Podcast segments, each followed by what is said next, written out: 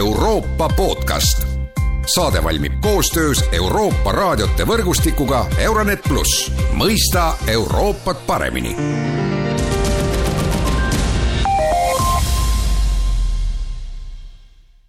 tere päevast ja tere kuulama Euroopa podcasti. täna räägime Saksamaast, uurime kantsler Olav Scholzi poliitika kohta. veel on teemaks üks riigipöördekava, mis Euroopas palju tähelepanu äratas. Stuudios on meie maja enda inimene, Postimehe välisuudiste toimetaja Berit Nuka, tere päevast! tere! ja mina olen Erkki Vahovski. alustame sinu päeva kommentaarist, Postimehes kirjutasid esmaspäevases lehes, et tegelikult äh, Saksa kantsler Olav, kantslerit Olav Scholzi on võib-olla natuke liiga ebaõiglaselt kritiseeritud ja tegelikult me võiksime olla pigem positiivselt meelestatud selles mõttes, et Scholzil on õnnestunud koalitsioon koos hoida ja Saksamaal äh, stabiilsust säilitada ja Ukraina sõja valguses ei olegi see nii vähetähtis. Nojah, arvestades, et kui Scholzi valitsus ju sai sisuliselt aasta tagasi ametisse, et eelmise aasta detsembri alguses, siis äh, sellest koalitsioonileppest suurem osa on praeguseks ju noh, lihtsalt kõrvale visatud või, või tegelikult noh, vähemalt väljastpoolt jääb see mulje, et noh, tegeleme Ukrainaga, tegeleme kriisidega, et selle valguses tegelikult Scholz on suutnud päris palju planeeritud asju ikkagi ka selle sees ära teha, mis on äh, suur muutus, arvestades, et meil on kuusteist aastat olnud Angela Merkeli valitsust, kus, kus on küll sotsid sees olnud, aga sotsid seal on põhimõtteliselt kinnitanud ikkagi Saksa kristlike demokraatide poliitikat, ehk et äh, Scholz on suutnud sisepoliitikas ikkagi selgelt uue kursi tekitada. et äh, ta on muutunud vale on võib-olla öelda vasakpoolsemaks, aga ta on palju rohkem pööranud tähelepanu ikkagi sotsiaalpoliitikale, et äh, üle pikkade aastate on muudetud Saksa sotsiaaltoetuste süsteemi, Äh, mis oli väga vastuoluline tegelikult, lõpuks nad said sellele ka sisuliselt kristlike demokraatide toetuse küll väikeste järeleandmistega, aga inimeste töötu, töötutoetused on tõusnud, inimeste ümberõppevõimalused on parandatud, lisaks äh, Scholz suutis ellu viia selle lubatud miinimumpalga tõusu, mis tõstis sissetulekut ikkagi mitmele miljonile inimesele Saksamaal. Et need asjad, noh, meie kõrvu need ei jõua tegelikult, Saksamaal tavaliste inimeste jaoks on need olulised asjad. Äh, ja sinna kõrvale ka see, et, et noh, me, me võime kurta sellele, et Saksamaa võib-olla panustab liiga vähe Ukrainasse, kui, kuigi nüüd on juba seda võib-olla vale rääkida, arvestades, et Saksamaa on ikkagi eriti nüüd äh, aasta teises pooles Ukrainat väga palju toetanud ka sõjaliselt, aga arvestades Saksamaa viimase rohkem kui poole sajandi poliitikat, siis tegelikult äh, päris paljude jaoks ilmselt, kes on vaadanud, võib, võib lugeda üllatuseks see, et nad üldse saadavad relvi no tegelikult see muutus on ju ikkagi päris suur, et äh, meie oleme kritiseerinud siin Saksamaad ja teisedki Ida-Euroopas on seda teinud, aga aga tõepoolest, nagu sa ütlesid, see on viiskümmend aastat sellist äh, noh, Vene integreerimise, Venemaa integreerimise poliitikat, see sai alguse ju tegelikult juba külma sõja ajal ja muutus intensiivsemaks siis äh, pärast Nõukogude Liidu kokkukukkumist. Ja siis Saksamaal leiti ju, et et tuleks kasutada põhimõtteliselt sama mudelit, mis Euroopa integratsiooni puhul, et majanduslik integratsioon siis seob äh, Euroopa, mille siis liidriks on Saksamaa, Venemaaga ühte, aga, aga seda ei ole juhtunud ja ja noh, tegelikult ju tegelikult Scholz ju üritab otsida ka tasakaalu, ta üritab, üritab äh, leida siis võib-olla tasakaalu ühelt poolt Ida- ja Lääne-Euroopa vahel ja teisest küljest noh, nagu sa juba tõid välja, siis ka selle, et, et ta üritab äh, leida tasakaalu kodus, et et see pööre nii suures riigis kui Saksamaal ei ole ju lihtne. jah, et seal on nagu nii mitu tahku, et üks pool on tõesti see Venemaaga suhete hoidmise küsimus, mis on noh, neid, neid suhteid enam ju ei ole ja seda öeldakse selgesti välja, teine pool on just see sakslaste enda ajalugu, et ikkagi neil Nad on küll seda Teise maailmasõja traumat läbi töötanud aastakümneid, aga see on taaskord üleval, sest nende jaoks ei ole pikka aega oluline olnud mitte see, et, et kuidagi toetada kedagi sõjaliselt, leida, valida pool, vaid nendeks on oluline hoida rahu, et ükskõik mis hinnaga hoida rahu. ja, ja kui me vaatame praegu Saksamaa küsitlusi, et ega see ei ole ju ka ühiskonnas, see pööre lõplikult ei ole toimunud, et aga noh, tegelikult Saksamaa kohta on juba see väga suur asi, et üle poole sakslastest toetab relvatarneid Ukrainale. see on Saksa meelelaadi arvestades väga suur muutus, sest nad aastakümneid on nende põhimõte olnud, et kõige parem oleks, kui me üldse ei toodaks relvi, ei tarniks relvi mitte kellelegi, rääkimata sellest, et saata neid konflikti koldesse noh, teine pool on loomulikult jah, see majanduslik, et et ilmselgelt nad on ümber vaadanud selle põhimõtte, et, et kas Venemaad ei õnnestunud majanduslikult muuta või majandussuhteid luues, aga nende majandus on sellest mudelist nii pikalt olnud sõltuvuses, et see ikkagi eeldab ka väga suurt ümbermõtlemist, Saksa majandus me võime rääkida siin, et enam ei ole tööstus oluline, aga Saksa majandus toetub tööstusele, mis on väga energiamahukas, nende jaoks see energiakriis on selles mõttes ikkagi eksistentsiaalne, et kui, kui nad ei suuda rääk-, rääkimata kodutarbijate varustamist, kui nad ei suuda neid tööstuseid ära varustada, see tähendab nende majanduse jaoks tõelist krahhi tegelikult ju Saksamaa on ju teatanud, et ta pikendab tuumajaamade kasutamist, et see nii-öelda see rohepööre, kas siis, no ma ei ütle, et jääb ära, aga kindlasti see lükkub edasi. jah, sest tuumaenergia on ka küsimus, mis sakslaste jaoks ikkagi eriti pärast äh, Jaapani Fukushima katastroofi, see oli väga ühiskondliku kokkuleppena väga laialdaselt toetatud, et tuumaenergiat loobutakse ja noh, nüüd ei ole tuumaenergia mitte ainult ainus, mis on tagasi toodud, tagasi on enam-vähem tolmuvõrgu alt pühitud ka nagu söeelektrijaamad, mida hakatakse jälle kasutama et nad ikkagi võtavad praegu sisuliselt kasutusele kõik võimalused, et seda kriisi enda jaoks leevendada, üle elada ja siis vaadata edasi. Et noh, esialgu ju pidi olema gaas just nimelt see, mis aitab seda rohepööret teha, et see katab vahepealse energiavajaduse ära, sel-, seni, kuni ehitatakse välja siis tuuleenergiat ja päikseenergiat, nüüd äh, kasutatakse kõike selleks, seni kuni siis nii-öelda leida taastuvenergia lahendused, et see võib võtta muidugi rohkem aega kui planeeritud antud puhul. ma tulen korra tagasi selle ajaloo juurde ja, ja see huvitab mind äh, väga palju, et ma küsin siis niimoodi, et kas, kas Saksamaal on võib-olla hakatud aru saama sellest, et teises maailmasõjas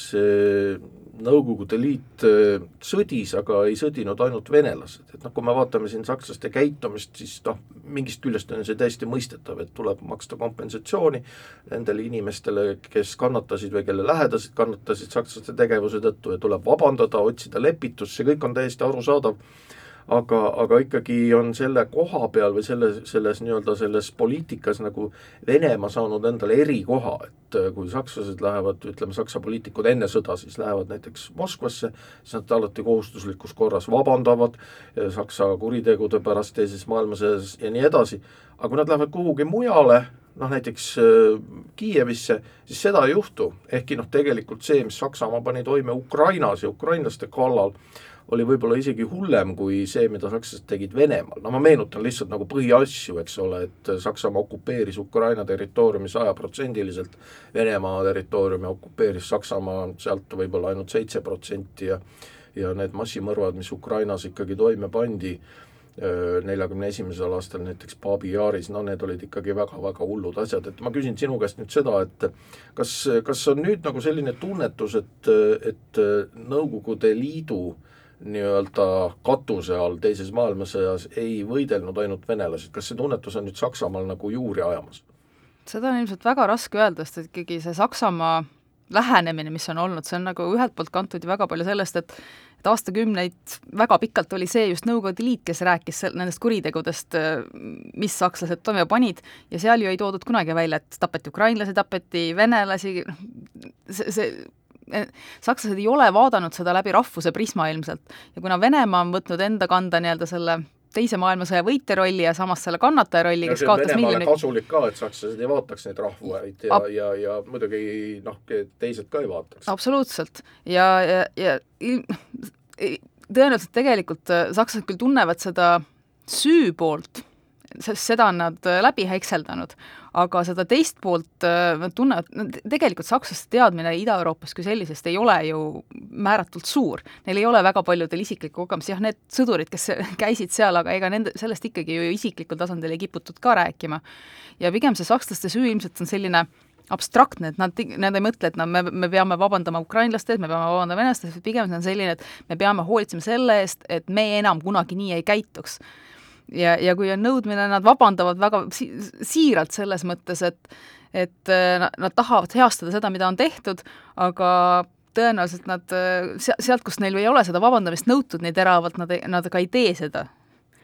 no hiljuti äh, kantsler Olav Scholz avaldas artikli ajakirjas Foreign Affairs, väga mainekas välispoliitika ajakiri ja, ja nendele veergudele pääses esimese eestlasena ka peaminister Kaja Kallas,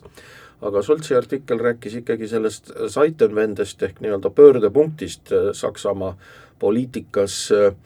ja, ja väga palju siis räägiti sellest, et kuidas Saksamaa on muutnud oma poliitikat ja et Ukrainat tuleks abistada äh, kõikvõimalike vahenditega, võib-olla vähem räägiti sellest ja, ja seda ka võib-olla mõistetavatel põhjustel, mida, mis siis edasi hakkab juhtuma, et kui sina seda artiklit vaatasid, mis sa siis oskad öelda, et kas kas see nii-öelda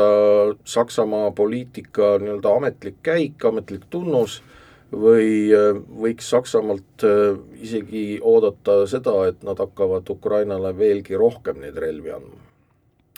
No üks pool on kindlasti seal see, et, et minu meelest tuleks nagu hinnata seda, et Saksamaal see tahe on, see konkreetne artikkel tegelikult ju midagi hirmus uut ei öelnud, ta lihtsalt sõnastas ära selle selle poliitika, mida nad on siis nüüd viimased äh, kümme kuud täiesti tegelikult äh, kannapöörde teinud ja, ja, ja nüüd üritavad ajada, aga noh, Saksamaa puhul tuleb see arvestada lihtsalt seda, et äh, valitsus võib seda öelda, Scholz võib seda öelda, neil võivad ükskõik kui toredad plaanid olla, tegemist on nii suure riigi, nii suure masinavärgiga, et äh, selle ei piisa, sellest ei piisa, et Scholz ütleb rusika lauale, et nüüd saadame seda, teist või kolmandat, isegi kui ta oleks nagu sedasorti poliitik, kes otsustab, annab korralduse, siis see võtaks ikkagi pööraselt kaua aega. et see masinavärk lihtsalt hekseldab neid asju nii aeglaselt läbi. et äh, noh, öelda, et nüüd Saksamaa hakkab veel rohkem tarnima, keegi ei tea seda, Saksamaa ei ole ka avaldanud kõike, mida nad tarninud on, nad ei ole seda suure kelle, suure kellega külge pannud. Ja, ja noh, Saksamaa kuidagi, Saksamaa on halva kommunikatsiooniga tegelikult väga palju ise ära rikkunud, et juba see sõja alguses või isegi enne sõda teada, et me saadame nüüd suure koguse kiivreid Ukrainale enda kaitsmiseks, selle üle visati ruma-, nalja selles mõttes, et mis, mis nendest kiivritest kasu. aga Saksamaa seal kõrval ei öelnud, mida muud nad te-, tegid järgnevatel kuudel. et lõpuks see, see kiivri metafoor on jäänudki õhku hästi palju, et, et noh, Saksamaa saadab kiivreid, teised saadavad tanke. et ähm, ja noh, selge on ka see, et, et Saksamaal tegelikult ei ole neid varusid väga palju, Saksamaa relvatööstus, Saksamaa kaitsevägi, see on ikkagi aastaid no äh, Bundeswehr on olnud alavarustatud. ta on alavarustatud, alarahastatud ja, ja olgem ausad, Saksamaa ei valitsuspoliitikud ega ka ühiskond ei ole selles näinud suuremat probleemi. Jaa, noh sest Saksamaa oli NATO liige ja, ja, ja sealt äh, see lootus oli, et ise võib-olla väga palju ei pea kaitsekulutustele panustama, aga üks huvitav intrigeeriv teema äh, Scholzi poliitikast veel on Hiina ja, ja siin me näeme ka teatuid noh, selliseid konflikti idusid ja see seisneb selles, et ameeriklased on ju võtnud oma julgeolekustrateegias sellise konföderatsioonilise kursi Hiinaga ja ütlevad, et noh, Hiina on ikkagi selline nagu põhivastane, ke-, kelle nii-öelda ambitsioone tuleks siis kärpida ja Saksamaa ei taha ju sellist äh, nii-öelda külma sõda välja kuulutada suhetes Hiinaga, sest Hiina on ikkagi Saksamaa suurim kaubanduspartner ja nad ei näe Hiinat, äh, Hiinat äh, sellise vastasena, nii nagu näevad seda Ameerika Ühendriigid, ja noh, siin see suur küsimärk ju tulebki, eks ole, et, et meie jaoks on väga oluline see, et see transatlantiline ühtsus säiliks, et põhiasjades liitlasriigid oleksid sama meelt, aga praegu no tundub, et Saksamaa ja ka Prantsusmaa arvavad Hiinast ikkagi palju leebemini kui Ameerika Ühendriigid, et, et kuidas sina seda probleemi kommenteerid? Saksamaa jaoks selgelt on jah, suhe Hiinaga ikkagi majanduslik et noh, ilmselt nad ei usu naiivselt, et nad Hiinat suudavad majandussuhete kaudu muuta, aga nende jaoks ikkagi, nende tööstus sõltub lihtsalt Hiina toormest niivõrd palju, see, need sidemed on nii tugevad, neil on nii palju investeeringuid Hiinasse, aga noh, teistpidi äh, kuigi seda Scholzi hiljutist visiiti Pekingisse ja, selle, kohta on palju kriitikat tulnud, siis meediast on ka läbi käinud, et uh, USA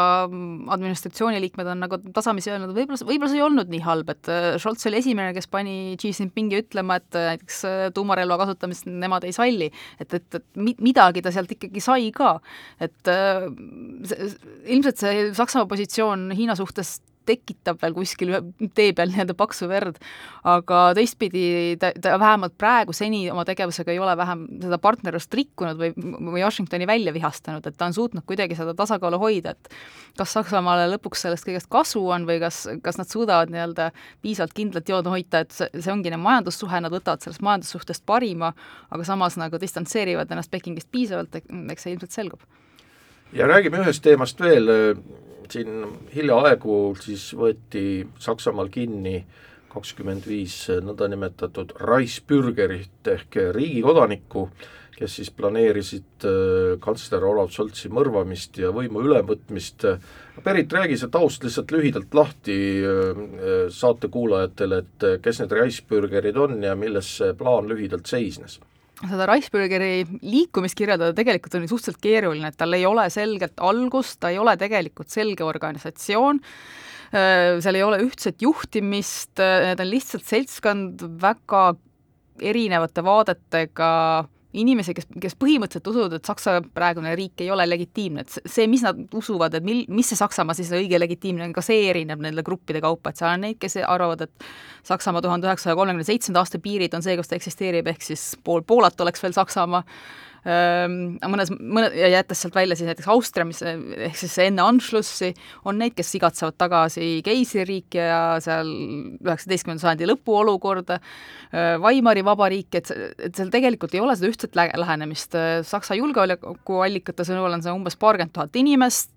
kelle hulgas on neonatse, on antisemiite, on paremäärmuslasi ja, ja osa neist siis on valmis vägivallaks. et see viimane nii-öelda purustatud jõuk siis, kes kavandas väidetavalt riigipööret, et noh, selle üle on tegelikult lihtne nalja heita, et kui sa alustad sellest, et seal eesotsas on äh, seitsmekümnendates äh, aadlik, kelle suurim kihk on tagasi saada oma kunagi kaotatud valdusi, noh, ja, ja paremäärmusliku partei poliitik, kes äh, tööt-, on töötanud kohtunikuna, keda on sealt üritatud juba ammu lahti kangutada, äh, kes väidetavalt oleks siis tulevane justiitsminister olnud, et sellesama paremäärmusliku erakonna Alternatiiv Saksamaale juht niimoodi tähelepanu kõrvalejuhtimiseks kasutaski kogu selle putši plaani kohta väljendit, et rulaatoriputš, et noh, seniilsed vanainimesed, mis me neist tõsiselt võtame. Aga, aga selle, seal on nagu ka teine pool, mis ilmselt nagu muudab selle asja tõsiseks, et arvestades, et neil on leitud nagu sadu tuhandeid eurosid, neil oli kullakange väärt miljonites, millega seda rahastada. ja relvi ka. ja relvi, nad korraldasid relvaõppusi, neil olid plaanid mitmesaja kohaliku relvastatud üksuse loomiseks, kes oleks siis seda nii-öelda korda hakanud hoidma nende uues riigis, et, et see tegelikult, see ei olnud plaan, mis oleks kohe võimalik käiku lasta, aga vähemalt neil oli olemas vahendid korraliku kaose tekitamiseks ja, ja arvestades, et, et noh, taaskord on sellise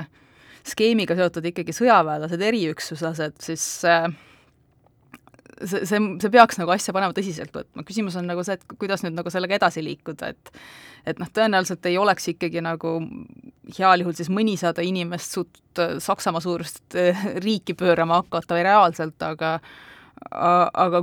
kui juurdunud sellised mõtted ühiskonnas on, see on nagu ilmselt teeb murelikuks paljusid. aitäh, Pärit Nuka, selline oli tänane Euroopa podcast, kõike head ja kuulmiseni!